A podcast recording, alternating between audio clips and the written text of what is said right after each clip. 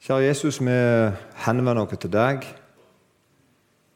Vi henvender oss til deg, Far, til deg, Hellige Ånd. Og vi forsaker djevelen og alle hans gjerninger, alt hans vesen.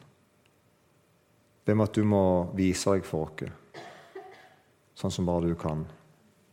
Gjennom ordet ditt og ved din Hellige Ånd. Amen.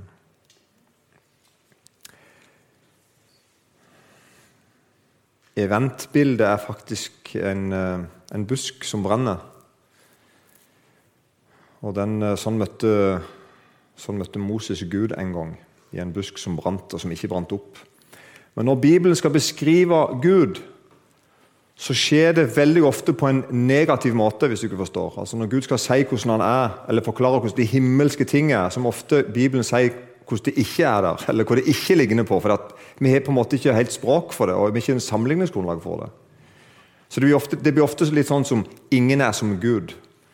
Det står faktisk sånn i 5. Mosebok 33, vers 26. Det er ingen som Gud, Jesurun. Og Jesurun er et, et uh, nickname på Israel. Jesaja han sier sånn i Jesaja 40, vers 25.: Hvem vil dere da ligne meg med, så jeg skulle være ham lik? Hører ikke på sånn utfordrende hvordan Gud snakker. Altså, Hvem skulle du ikke deg med meg? Som jeg, på en måte, jeg, kunne, som jeg kunne sammenlignes med, sier den hellige. Løft øynene mot det høye og se. Hvem har skapt alt dette? Det er jo en av de store tingene som Bibelen ofte trekker fram at Gud er skaperen. Altså, er det noen bedre? Er det noen som er, er, det noen som er større, liksom? Jeg har skapt alt dette. Og det er faktisk sånn at Vi vet så lite om Gud. Vi har så lite begreper på hvem Gud er, at det, er en av grunnene til Det er ikke den eneste grunnen, men det er en av grunnene til at Gud sier til menneskene ikke lag et bilde av meg. Sånn sier han i, i, til Moses og til, og til israelsfolket. Akkurat som at det ville vært en fornærmelse for Gud at vi skulle prøve å lage et bilde av ham. Og Han er så stor at vi, vi kunne komme i skade for å ville ære ham, at vi ønsket det godt, men vi risikerte å vekke opp en vrede hos han allikevel. Og I 5. Mosebok, i kapittel 4, så gjenforteller Moses hva som skjedde tidligere. Han gjenforteller til folket. Nå har de altså gått i ørkenen i 40 år, og så gjenforteller Moses til sitt folk. Da. I kapittel 4 står det sånn Da kom dere nær til Nå forteller han om når de fikk de ti bud på Horeb, Sinai. Da kom dere nær til og sto nedenfor fjellet, mens fjellet sto i lys lue like til himmelen. Der var mørke skyer og skodde, og Herren talte til dere midt ut av ilden. Dere hørte lyden av ordene, men noen skikkelse så dere ikke. Dere hørte bare en røst. Dette minner Moses folket på. Dere så ikke Gud. Dere så han ikke. Og han forkynte dere sin pakt, som han bød dere å holde, de ti ord. Han skrev dem på to steintavler. På samme tid bød Herren meg å lære dere lover og bud, som dere skal leve etter i det landet dere drar over til og skal ta i eie. Så kommer det. Så ta dere nå vel i vare, så sant dere har livet kjært. Dere så ingen skikkelse den dagen Herren talte til dere på Horeb, midt ut av ilden. Derfor må dere ikke handle så ille at dere lager noe utskåret bilde noe, noe slags avgudsbilde i skikkelse av mann eller kvinne. Eller av noe firfødt dyr på jorden, eller av noe vinget fugl som flyr under himmelen, eller av noe dyr som kryper på jorden, eller av noe fisk i vannet nedenfor jorden. Når du løfter dine øyne opp til himmelen og ser solen og månen og stjernene, hele himmelen ser, må du ikke la deg forføre så du begynner å tilbe dem og dyrke dem. Altså, Gud skaper så store ting at han er klar over det, at du kan, du kan nesten begynne å dyrke skapningen i stedet for skaperen. Så vi klarer ikke å gi Gud ære. Det er som det Gud sier. Ikke engang, vi, ikke når vi ser det han er skapt, og ønsker æren for at han er skaper.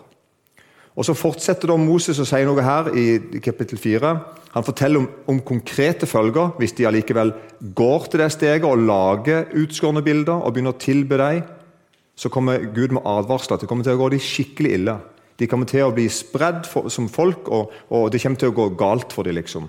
Og Så sier han da til slutt at når det da går galt, så sier likevel Gud da, legger ut en, en fin ting å si i vers 29. Der, altså i den, i den der ulykka, etter å ha brutt Guds bud, der skal dere søke Herren din Gud. Og du skal finne ham når du søker ham av hele ditt hjerte og av hele din sjel. Så Gud advarer mot å bryte budene hans sine, han advarer mot at det får konkrete følger, og samtidig sier han at når, når du ikke likevel gjør det, ikke hvis faktisk, men når, så skal du ikke søke meg. Og så skal jeg la meg finne. Johannes i Det nye testamentet. Johannes han sier i Johannes 1,18.: Ingen har noensinne sett Gud. Paulus han skriver et brev til Timoteus. I 1. Timoteus 6, vers 15 og 16 så sier Paulus sånn om Gud Han som er kongenes konge og herrenes herre. Han som alene har udødelighet, og som bor i et lys dit ingen kan komme. Han som ikke noe menneske har sett, og heller ikke kan se. Sånn beskrives Gud. Moses han kaller faktisk Gud for 'han som bodde i tornebusken'. Og Da tenker han på den gangen han var ute og gjette noen sauer. Du husker den fortellingen? Og Han plutselig så en busk som brant, og det var ikke noe spesielt. Busker brant rett som det var. De det ennå, i sånne vanvittig tørre klima. Veldig lett antennelig, og så brenner de vet ikke hvor lang tid at en busk brenner opp. Jeg, ikke, jeg ikke, jobber ikke i brannvesenet, men det tar ikke lang tid. I hvert fall. Men det, det Moses så, var at denne busken her brant ikke opp. Og Derfor ble Moses nysgjerrig på busken. Det er en busk som brenner, ikke brenner opp. Og Det forteller litt om hvem Gud er. At Gud er en evig ild. Gud tar ikke slutt. Og så gikk Gud bort der. Jeg gikk Moses bort der og fikk et møte med Gud. ikke sant? Og Litt senere, i, i 5. Mosebok 33 og vers 27, så sier, faktisk, så sier faktisk Moses om Gud en bolig er den eldgamle Gud. Utrolig mange forskjellige navn på Gud. Og Jeg har lest og lest i Bibelen, og jeg tenker av og til Nå må jeg det. Har du hatt det sånn noen gang? Du leser og så tenker nå, nå, forstår, jeg det. Nå har jeg det. Og for all del, Det er noen ting vi har òg, men så blir det liksom uklart for meg igjen. Du, du, du, du, lærer noe om Gud. 'Ok, ja, nå skjønner jeg. Sånn er han. Nå, nå har jeg han.' Og så går det en stund og Nei, han var ikke helt sånn heller. Har du ikke merka det? Og Da innser jeg to ting. Nummer én, jeg innser at det er noen som vet mer enn meg. Og kanskje du her inne er en av de som vet mer enn meg. Det er nummer én. Det gladelig innrømmer jeg. At det er forskjell på hvor mye vi kan om Gud, hvor mye vi vet om Gud. Både i erfaring, sånn i tanken, altså hvor mye vi har lært om Han, og hvor mye vi har erfart av Han. Men én ting til som jeg òg skal ta med, er at det er ingen mennesker som fullt ut kan forstå Gud eller romme Gud. Vi ender opp med å på en måte stå og kikke opp i beundring til ham. Ingen er som deg, Gud. Hvem skulle vi sammenligne deg med? Og så har jeg da to metafor som jeg håper du ikke setter pris på. Når jeg skal på en måte, når jeg skal prøve å romme Gud, så blir det som at jeg sitter i en robåt mellom Danmark og Norge. Er dere med på bildet? Ser dere for dere det? Det er stusslig. Særlig for folk som vannskrekk, sånn som meg. Og så sitter jeg med et litermål og skal sjekke størrelsen på sjøen. Så dere får ikke det. Det er håpløst, en håpløs situasjon. Jeg tar opp en liter, og skal jeg tømme den forresten? Hvor skal jeg ha den i? Oppi båten? Skjønner du? Det er, sånn, det er en håpløs situasjon. Det går ikke an å måle hvor mange liter vann det er i Nordsjøen eller Skagerrak på den måten. Det er en umulig oppgave, jeg innser det veldig fort. Sånn er, sånn er jeg og deg i møte med Gud. Eller jeg har en litt dårligere eksempel. Jeg synes den her er dårligere, At jeg står med ei badevekt i handa, sånn som går til 138 kilo. eller sånn. Og så skal jeg på en måte måle Guds storhet. Og jeg fatter for det første at Hva gjør jeg med denne badevekta? og dessuten, hun går bare til 138 kilo. Altså, hva, hva er greia? Sånn er vi mennesker i møte med Gud.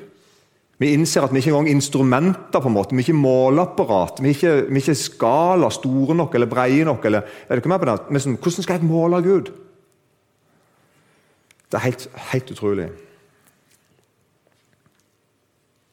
Og allerede i introduksjonen, altså når, når, Gud presenterer seg, så blir vi satt ut. Et av de store navnene på Gud er 'Jeg er'. På norsk 'Jeg er' eller 'Jeg er'. Det som navnet som heter JHVH. Det er navnet som ingen vet hvordan du uttaler. Det er et, på en måte et, et hemmelig navn, et, et, navn som ingen vet hvordan du uttaler. Det gjør faktisk ingen. Noen tror det uttales Jehova eller Javé, men ingen vet hvordan du uttaler. Det er hele poenget. JHVH. Jeg er. Og så har jeg skrevet her nå at en, Når Gud kommer og presenterer seg til meg og deg og sier at 'jeg er', så kan vi tenke 'ja, det er jeg òg'. Så hva, hva, er som, hva, er det du skryter liksom? Hvorfor sier du det? At du er? Hva er poenget med det? Og Vi aner med en gang i møte med Gud hvis du leser litt i Bibelen, så aner du med en gang at Gud han stender der og er helt annerledes enn meg og deg. Han fortjener å være til liksom, i egen kraft.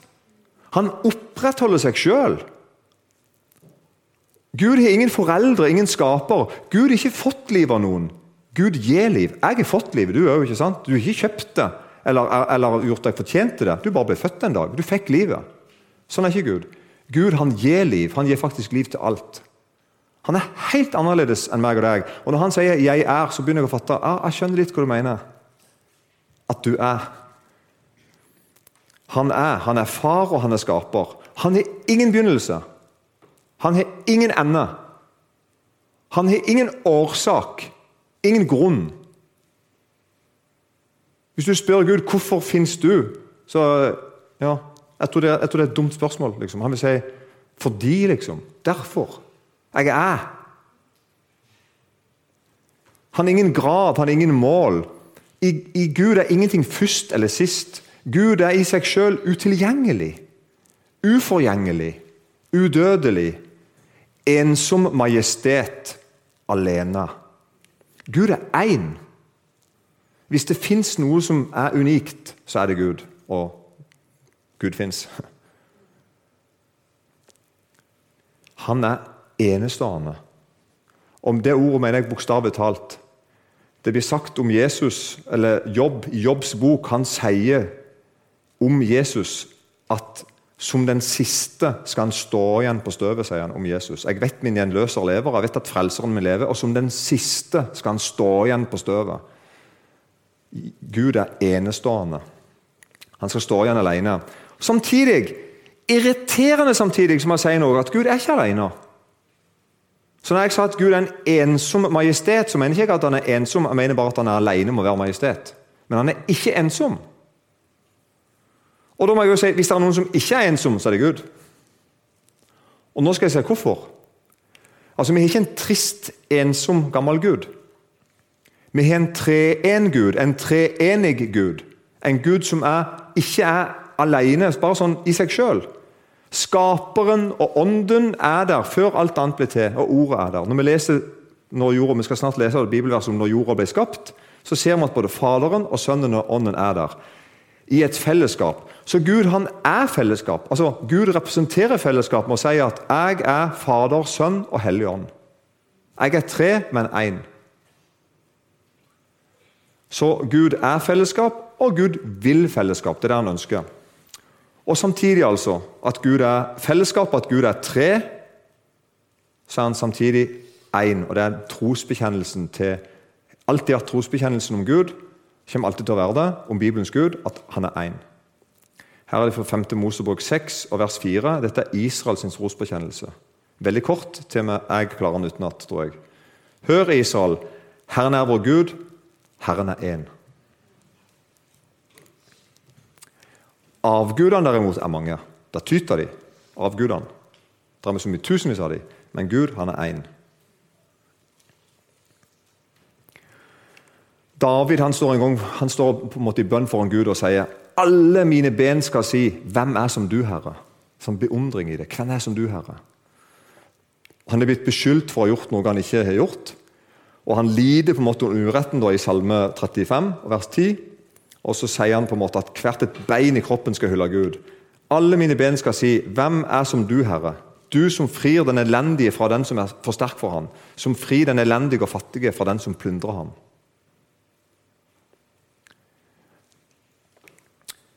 Det er noe merkelig, men fantastisk med at Gud er Gud, og at ikke vi er det.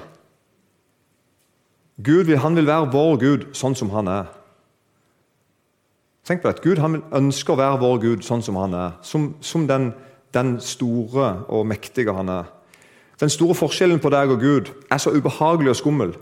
Den gjør meg så liten. Ja, det er livstruende å møte Gud. Har du merka det noen ganger?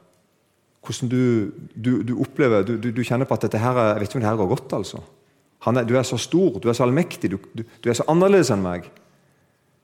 Og det er likevel nettopp her du kan møte Gud. Dette, dette punktet her hvor du i møte med Gud Og da tenker jeg egentlig i møte med forkynnelse, i møte med et gudsord, i møte i samtale med andre kristne, i møte med samvittighetslivet ditt og tankelivet ditt om Gud, når du, når du begynner å gjøre disse erfaringene med at du opplever at det, det er på en måte, det er noe visst ubehagelig med å møte Gud. Har du, har du ikke kjent noen gang på det? Det er, ikke, det, det, er bare sånn, det er ikke bare godt alltid. Det er en veldig viktig opplevelse. Når et menneske oppdager litt og litt hvem Gud er, hva han har gjort, hva han kan, så blir Gud Gud. Og så blir mennesket menneske.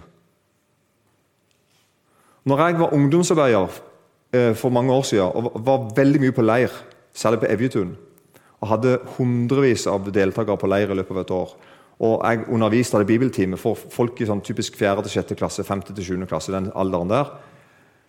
Etter en leir så hendte det ofte at det kom bort foreldre. En, en far eller en mor tok meg i hånda, var blank i øynene og sa Sønnen vår kom hjem og hadde fått et par problem. Tusen takk. Er dere med på den? Jeg har ikke gjort noe ubehagelig med dem, men de hadde i møte med Gud begynt å kjenne på Gud er Gud. Og det er ikke jeg. Og Så kom de hjem begynte å snakke med foreldrene sine, og så hørte noen foreldre jeg tror du har møtt Gud. Det høres ut som når du nå snakker, at du har erfart at Gud er Gud. Jeg håper at noen sa at jeg hadde gjort noe fint med det, så jeg håper ikke du ikke misforstår at jeg var med som sånn tidenes drittsekk på Åleir. Det tror jeg ikke jeg var. Men det var noen foreldre som kom og sa om samme situasjon, at vår datter eller vår sønn kom hjem og hadde et problem. Og fy deg, vi ville ikke ha problem. Det skjedde òg, altså. Så det var ikke bare sånn rosemaling. Men jeg tror dette her, det vi snakker om nå, dette er noe av det viktigste for meg som forkynner. At folk må få lov til å få et problem i møte med Gud. Du må få lov til å være irritert på meg, ha lyst til å hive tomater på meg. Du skal til og med få lov til å gjøre det hvis du vil. hvis det er det som må til. Og så kan du gå hjem og så kjenne på at jeg, jeg protesterer i møte med Gud. Jeg blir liten, og han blir så stor, og jeg blir så liten. Og, og han ble så hellig og ren, og jeg ble plutselig ikke det. Og jeg som trodde at jeg var så og så fornuftig og kunne sånn og sånn og mye, jeg ble stoppa opp nå. Den opplevelsen der, den unner deg. For det er på en måte møtepunktet mellom deg og Gud. Det er en helt nødvendig opplevelse. Og Det som egentlig da skjer, at jeg blir opphøyet av Skaperen. Det at Gud stiller meg ansvarlig for livet mitt, og at jeg kjenner på at jeg stikker i samvittigheten min, at jeg ikke på en måte har så mye å skryte av, det er samtidig veldig sånn, en veldig oppgradering av meg, for det gjør meg til menneske. Jeg er ikke et dyr, jeg er ikke et tre, jeg er ikke en fisk, jeg er ikke en orm. Jeg er et menneske som Gud i himmelen vil ha fellesskap med. og Derfor så snakker han til meg. Derfor så snakker han inn i samvittigheten i livet mitt. Og han som ikke kan forandre seg, som ikke passer sammen med meg, egentlig, han kommer til meg likevel. Uten at han på en måte slutter å være Gud. Han klarer på en eller annen utrolig måte å møte meg, selv om vi er så forskjellige.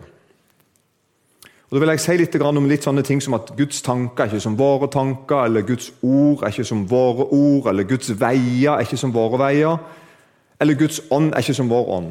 Altså, det jeg prøver å si at Gud er ikke som oss og vi er ikke som han.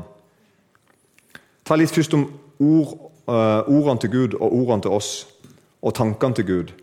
Guds tanker er ikke som våre, og det er jo fordi at Guds ord er ikke som våre. Gud har en helt annen grammatikk, om du vil. Han har et helt annet forhold til ord enn det vi har.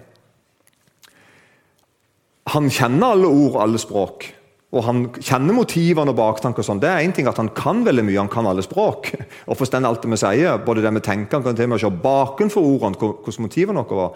Men det er ikke egentlig det jeg tenker på. Jeg tenker mer på at Guds eget forhold til, til, ord er at Gud har ikke fantasier sånn som vi har det, f.eks.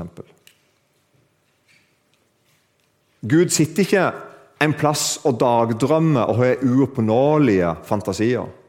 Skjønner du hva jeg mener med det? Sånn kan vi ha, for det er det, det forholdet vi har til ord og tanker. Nei, Gud har det ikke sånn. Gud har ikke uoppnåelige, forbudte tanker eller, eller, dagdrømmeri. Han skulker ikke eller slumrer, som et veldig rart ord som Bibelen bruker noen ganger om, om Gud. Salme 121, vers 4. Se, han slumrer ikke og sover ikke, Israels vokter. Guds tanker er virkeligheten. Reelle planer. En tanke ifra Gud er på en måte som et stykke virkelighet, hvis du skjønner. Sånn er det ikke for meg og deg. Vi kan gå og tenke på ting, drømme om ting, fantasere om ting, ønske ting, håpe ting. Og noe av det skjer, og noe av det skjer ikke. Hos Gud er det altså ingen sånn forskjell. Vi opplever forskjell på idé og ord og gjerning, men hos Gud så er det på en måte ting som går i lag. Og Sånn begynner alt. da, I 1. Mosebok, kapittel 1, vers 1. I begynnelsen skapte Gud himmelen og jorda. Og Jorda var øde og tom, og det var mørke ved det store dyp. Og Guds ånd svevet over vannene, og Gud sa, 'Bli lys'. Og det ble lys. Sånn begynner på en måte boka, Bibelen. Og bare sånn parkere Eller sånn er Gud. Han sier en ting, så skjer det. Gud sier et ord, og det står der. Og så er det med til stående at Vi kommer sånn ganske tett opp til Gud, da, selv om det er en ganske stor forskjell. For Når du leser i 1. Mosebok kapittel 2, så leser du om at når Gud skapte jorda og skapte alle dyrene, så sier da Gud til Adam at nå Adam, nå skal du komme bort her, og så skal du få lov til å sette navn på alle dyrene. Og så gjorde Adam det. da. Og Det var da han fant ut at det var ingen der som ligna på han. Og så begynte han å savne ei dame, og så fikk han ei dame. Sånn at Adam han fikk lov til å sette navn på esel og hest og hund og sånn. Men det, Gud han, han skapte det bare med å si det. Og Sånn er det. Gud sine tanker og ideer og veier og planer er ord, men det er ikke tomme ord eller sånn ekkoord. Nei, det er skaperord. Når Gud sier en ting, så blir det. En enorm forskjell på oss. En annen ting som er rart, er at når vi ikke ser Han, når du opplever at Gud er fjern Jeg ser Han ikke. Da, da, da ser vi Han er skjult. Han er utilgjengelig. Og vi kan på en måte ikke klandre han for det, selv om vi gjør det noen ganger. Altså. Men vi, Gud er sånn. Og, når, og, andre ganger når vi ser han, så ser vi at han ikke er skjult. At han er tilgjengelig. Utfattelig sånn derre Er ikke Gud i lomma? I Salme 104 er forresten er utrolig stilig salme. Den sier, den sier sånn om Gud Du skjuler ditt ansikt, de forferdes. Altså, Det er det jeg sa nå i stad. At når Gud, Gud, blir skjult, så på en måte blir vi redde. Vi blir forferda. Hva er det henne? Hva er det henne? Du drar tilbake deres livsånde, og de dør og vender tilbake til støv. Du sender din ånd ut, de blir skapt, og du gjør jordens skikkelse ny igjen. Gud har en sånn enorm makt, en enorm innflytelse på alt det skapte. Så fortsetter han nå. Må Herrens ære vare ved til evig tid. Herren gleder seg i sine gjerninger. Han ser på jorden, og den bever. Han rører over fjellene, og de ryker. Jeg vil lovsynge Herren så lenge jeg lever. Jeg vil synge for min Gud så lenge jeg har til, faktisk. Og litt om Guds tanker som ikke er som våre. og Da, er det ikke, da mener jeg bare at Gud, Gud på en måte har en litt bedre kvalitet på tankene. At sine tanker på en måte er litt bedre enn mine. Hvis du ikke skjønner. At liksom jeg og Gud har ganske like tanker, bare at han har de litt bedre. Nei, for det første, Guds tanker er evige. De er annerledes enn mine. De er ikke begrensa sånn som mine og dine tanker er. Men enda viktigere, og dette ikke jeg sett før nå nylig i Jesaja 55, så sier faktisk Bibelen sånn Gud sier sånn, Jesaja 55, 8. For mine tanker er ikke deres tanker. Og deres veier er ikke mine veier, sier Herren. Og Da er jeg plutselig merket til at det, Jesus, det Gud sier, er jo ikke bare at mine tanker er dårligere enn hans sine, eller litt mer sånn pinglete, eller når ikke helt opp. Han sier faktisk at han har andre tanker. Er du ikke enig i det? Og at han har andre veier. Altså, Vi har andre tanker enn Guds. Det er ikke bare vi som standarden vår som det er noe galt med, men jeg har de ikke. Sånn står det i sammenheng. da. For mine tanker er ikke deres tanker, og deres veier er ikke mine veier, sier Herren. For som himmelen er høyere enn jorden, slik er mine veier høyere enn deres veier. Og mine tanker høyere enn deres tanker. Og denne her høgdeforskjellen, at han er høyere tanker og høyere veier noe Hvis du ser eh, versene før, da, så står det noe som er rart, da. Men den ugudelige må forlate sin vei, og den urettferdige i sine tanker, og omvende seg til Herren. Så skal han forbarme seg over ham og til vår Gud, for at han gjerne vil forlate alt. Og Det jeg prøver å si, er at Gud oppfordrer deg til å søke ham, til å kalle på ham den stunden han er. Og Samtidig sier han at for å søke ham og for å finne ham, må du ikke følge dine egne veier og ikke følge dine egne tanker. Og på en måte blir den dum over meg. Er du ikke enig i det? Så for å finne meg, sier Gud, så må du ikke listen to your heart. Ikke gjør det. Du må, du må ikke gjøre det. Du må, du må, finne meg på en annen måte. Så I sammenheng blir det altså sånn, det jeg nå har sagt. Søk Herren mens han er å finne. Kall på ham den stund han er nær. Og så kommer på en måte da, ja, Hvordan gjør jeg det? Jo, den ugudelige må forlate sin vei, og den urettferdige sine tanker, og omvende seg til Herren. Så skal han forbarme seg over ham og til Gud, for han vil gjerne forlate alt. For mine tanker er ikke deres tanker, og deres veier er ikke mine veier, sier Herren. For som himmelen er høyere enn jorden, slik er mine veier høyere enn deres veier, og mine tanker høyere enn deres tanker. Sånn er Gud.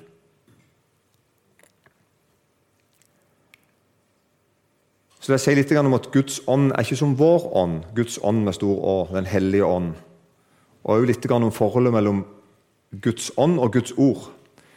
Og Det første jeg vil si er at eh, Hvis vi hadde gått ut på utsida her nå og så hogd ned et tre Det er veldig lite tre her i Rogaland, så det var et dårlig eksempel. Kappe ned en busk, eller noe sånt. Så hadde vi ikke funnet litt av Gud der inne. Du finner ikke litt av Gud i naturen. Er du med på den? Gud, Gud, er ikke en del av naturen på den måten at vi kan finne han litt i en elg, litt i en hest, litt i en stein. Liksom, og, så, og, så, er Gud litt til stede der. Nei, Gud presenterer seg som en som er helt utenfor det skapte. på den måten. Han er utenfor. Han var, han var, til før alt det skapte ble til. Så han er ikke en del på en måte av det, av det skapte. Du finner ikke Gud eller litt av Gud jeg har skrevet her i et tre eller i en elg, f.eks. Det er ikke noe fellesskap der sånn sett. Det er en del religioner som tenker sånn at Gud er litt i alle ting. Så vi kan på en måte finne han litt i alle ting. Nei, Bibelen sier at nei, sånn er jeg ikke. Og Derfor er det sånn at eh, du kan finne Gud, Gud har et fellesskap som jeg var inne på i stad, altså mellom, mellom, Far og Sønn og Hellig Ånd. Der er det et fellesskap. Og der vil du merke det at Hvis du, med, hvis du møter Far hvis du møter Far i himmelen, så vil du merke at han aldri er uenig med Guds ånd. Du vil aldri oppleve at du snakker med, med, Gud Fader, og så sier han et eller annet, og så merker du etterpå at hm, det var ikke det Den hellige ånd sa til meg. Du vil aldri merke det. Der vil du finne sånn en full, fullstendig sammenheng og fellesskap. De er aldri i strid med hverandre. Det er jo litt fordi at de er jo dypest sett én. Og det skaperen vil, det vil Guds ånd. Det var jo sånn alt begynte ikke sant, i skapelsesberetninger. At Når Gud så utover vannene og sa 'bli lys', så ser vi at Guds ånd svever over vannene. Og da, da, forstår vi tydelig at her er det en samstemthet. Guds ånd var der, og, og, og skaperen far var der, og faktisk var også Jesus der. I form av at han er begynnelsen, og han er ordet. Og Derfor er det sånn at Like lite som du finner skaperen på en måte i et tre eller i en skapt ting, like lite finner du Guds ånd der. Guds ånd er der Gud er, der Gud er alltid og evig. Og Så kommer neste ting. da at Guds ånd er der hvor Guds ord er. Og Hva mener jeg med det? Da mener jeg at hvis noen her inne Jeg skal ta det litt etter, forresten. Det, det jeg mener med det at Gud Fader han er, og Hans ånd er. Det er ingen, det er ingen forskjell mellom hva Gud ønsker å gjøre, og hva Gud gjør. Det er ingen, det er ingen forskjell mellom hva Skaperen utretter, og hva Den hellige ånd vil. Sånn er det. Og når, når, det skjer enda en ting da, Når Gud da blir menneske og bestemmer seg for at jeg vil gå ned på jorden og bli et menneske, da blir han Jesus Kristus, ikke sant? Eller ordet med stor O, eller logos, som faktisk det, det, er der ordet henter fra. Logos. Jesus er logos. Jesus er ordet som aldri kan dø, ikke engang når han dør. Og da møter vi igjen, Når vi da møter Jesus, for nå kan vi begynne å se Guds ord. Nå, nå, er, Jesus, nå er Gud blitt menneske. Ordet er blitt levende. Ordet er iblant dere. Da ser vi det samme. Jesus sa aldri noe som var i strid med det Guds ånd ville, eller det Far i himmelen ville. Og Dette er veldig viktig. Ordet er tydelig. altså Jesus Kristus han er tydelig, han er klar, han er hellig, han er sann og han er rettferdig. Han er sånn han sier at han er. Han er faktisk menneskesønnen. Og da er Det sånn at det forholdet folk hadde til Skriftene sant? Når Jesus ble født, da hadde folkene som levde samtidig med ham, de hadde det vi kaller for Det gamle testamentet. Profetene og Skriftene. Og Da viste det seg at det forholdet menneskene hadde til det skrevne ordet, altså til det profetiske ordet, det vi ville kalt for Gamle testamentet, det fikk de òg til Jesus. Ingen respekterte Bibelen eller Det gamle testamentet, men forakta Jesus, eller omvendt. Er du ikke med på den? Det var ikke sånn at noen sa at jeg liker, jeg liker Gamle testamentet, men jeg liker, ikke, jeg, liker ikke, jeg liker ikke, Jesus. Det vil si Noen sa det, men de ble fort avslørt at de egentlig ikke hadde bøyd seg for ordet. Og Derfor ser vi jo at heller ikke Jesus setter seg opp imot ordet. Jeg skulle til å si, Hvordan kunne han? Han er jo ordet. Og Jesus han går så langt at han sier at det, er min mat. Altså det som, jeg, det som, jeg, lever for, er å gjøre det min far i himmelen vil. Jesus er helt sånn sammensmelta med Den hellige ånd og med Guds ord og med Gud, med far. Han sier faktisk sånn her da, Min mat er å gjøre Hans vilje som er sendt meg, og å fullføre Hans gjerning. Og Jesus er dette så komplett. Han er, så, han er, det så, tvers igjennom det at han er Guds ord, at han sier sånn Dere må ikke tro at jeg er kommet for å oppheve loven eller profetene. For det var det noen som trodde. Så han sier at nei, nei, nei, dere må ikke tro at jeg er kommet nå for å gjøre et opprør mot det, det gamle testamentet. Nei, sier han. Jeg er ikke kommet for å oppheve, men for å oppfylle. Og Så forteller da Jesus at han er helt ned i detalj i Det gamle testamentet tenkt å følge alt som står der, og, opp, og oppfylle det. Han sier sånn før himmel og jord forgår, skal ikke den minste bokstav eller den eneste tøddel i loven forgå, før det er skjedd alt sammen. Og Han kommer til med en advarsel og sier videre den som da bryter et eneste av disse minste budene og lærer om menneskene dette, han skal kalles den minste i himmelens rike. Men den som holder dem og lærer andre dem, han skal kalles stor i himmelens rike. Og Hvis du da spør om hva mener Jesus med de minste budene, og da har jeg tenkt, og det kan sikkert være flere forklaringer på det, men det virker som at egentlig Jesus sier at eh, bare glem finne, bare glem å ha noen mening om hva du mener er det minste budet. Uansett om det sa det minste budet du tenker der, så sier Jesus at ikke engang da, hvis du bryter det, da skal den dommen på en måte allikevel stå der. Vi kan ikke bedømme på en måte hva som er minst og størst hos Gud. når alt kommer til alt. Og Derfor er det sånn at Jesus han, han avslører noen som trodde at de trodde på Skriften. Jesus møtte noen som blir kalt for de skriftlærde. De, de, de, de hadde skikkelig gitt livet sitt til å lese de gamle skriftene. Og De skikkelig lev, levde ånda for de, de var skikkelig dedikerte bibellesere. skulle jeg si. Men Jesus avslører at du ikke har ikke forstått Skriftene. Du har ikke bøyd dere for dem. Du er på en måte herre over ordet. Du har ikke bøyd dere for det. Så det går altså an å vite masse om Gud uten å kjenne Han. Så altså Jesus han er ingen kontrast til Guds ord. Han er Guds ord. Og Derfor er det sånn at Vi har ikke rett til å sette far opp imot sønn. Altså vi, vi, som gjør Jesus til, vi som tror på Gud. Vi er ikke lov til, vi er ikke rett til, og vi som prøver å lage en konflikt mellom fader og sønn, eller fader og ånd, og liksom få de til å kollidere. Vi kan ikke si at vi følger Sønnen, men ikke ordet hans.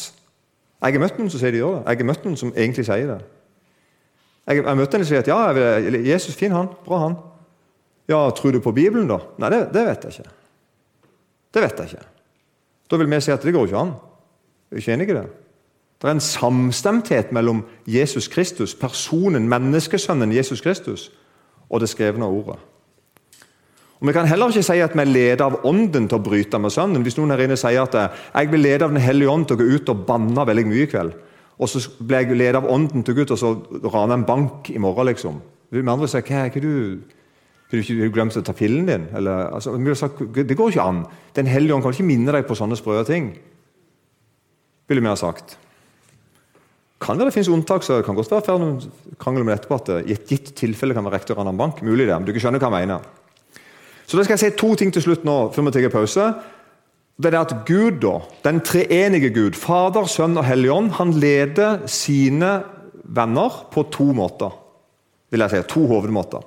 Måte nummer én, som Gud leder deg på. Du som sier at 'jeg hører Jesus til', 'jeg er kristen', 'jeg er frelst', 'jeg er, jeg er Guds barn', 'jeg hører Han til'. Ja vel? Måte nummer én Gud leder deg på, er helt klart gjennom det skrevne ord i Bibelen. Helt soleklart. Og Det er altså så deilig å ha en Gud som har gitt dere en bok, som er en, med en haug med bøker i. Bibelen betyr jo egentlig bibliotek. Han har liksom gitt oss et bibliotek med skrevne ord. Så det går an å lese og forstå og forholde seg til det. Sant? Og diskutere det. og sånn. Det er ikke alt vi forstår engang, da, men likevel kan vi sitte sånn Å, jeg ønsker å forstå deg. Jeg ønsker å følge deg, jeg ønsker å ære deg. Jeg ønsker å leve og praktisere Jesus sånn som, du, sånn som jeg leser i Bibelen. Da. Dette er den vanligste, og dette er hovedmåten Jesus, Gud leder deg på i dagliglivet. Det må det iallfall. Det bør det være. Måte nummer to den kan vi godt kalle for åndens ledelse. Men kanskje vi skal si heller at måte nummer to Gud leder deg på, det er gjennom minnelser. ikke sant? At du fikk det for deg, fikk en idé, fikk en drøm, eller fikk en tanke. Eller gjennom tilfeldigheter, ikke sant? som du ser etterpå at det var ikke det, det var en gudfeldighet. Det, det, var jo ikke tilfeldig. Eller gjennom åpne og stengte dører. Er en ting som jeg liker veldig godt å tenke. Altså at, at jeg, jeg, ber til Gud at nå ser du at jeg ikke helt vet hva du vil jeg skal gjøre, så nå prøver jeg å gjøre to-tre ting, og så får du åpne og stenge dører. Det er fordi at Jesus har sagt at den som banker på, han skal bli lukket opp for. Så da går jeg inn de åpne dørene. Og når døren ikke blir lukket opp, tenker jeg ok, da var den stengt. Da får jeg gå på neste dør, så banker jeg på den. Det er jo en måte å bli leder på. Det er ikke sånn det går an å gjøre feil, ikke sant, da, men det er en måte å bli leder på. Eller andre mennesker som kommer og sier ting til deg. Eller tegn og mirakler og sånn overnaturlige ting som skjer. Kjenner du ikke til det? Den måten å bli leder på? Ja? Bra. Så altså to måter. Gud leder gjennom nummer én gjennom sitt skrevne ord i Bibelen, og nummer to gjennom forskjellige sånn, ledelser som ikke er til å satt og lese i Bibelen. Og Da skal jeg si en ting. Husk, hvis du ikke følger nummer én ikke gå inn på nummer to.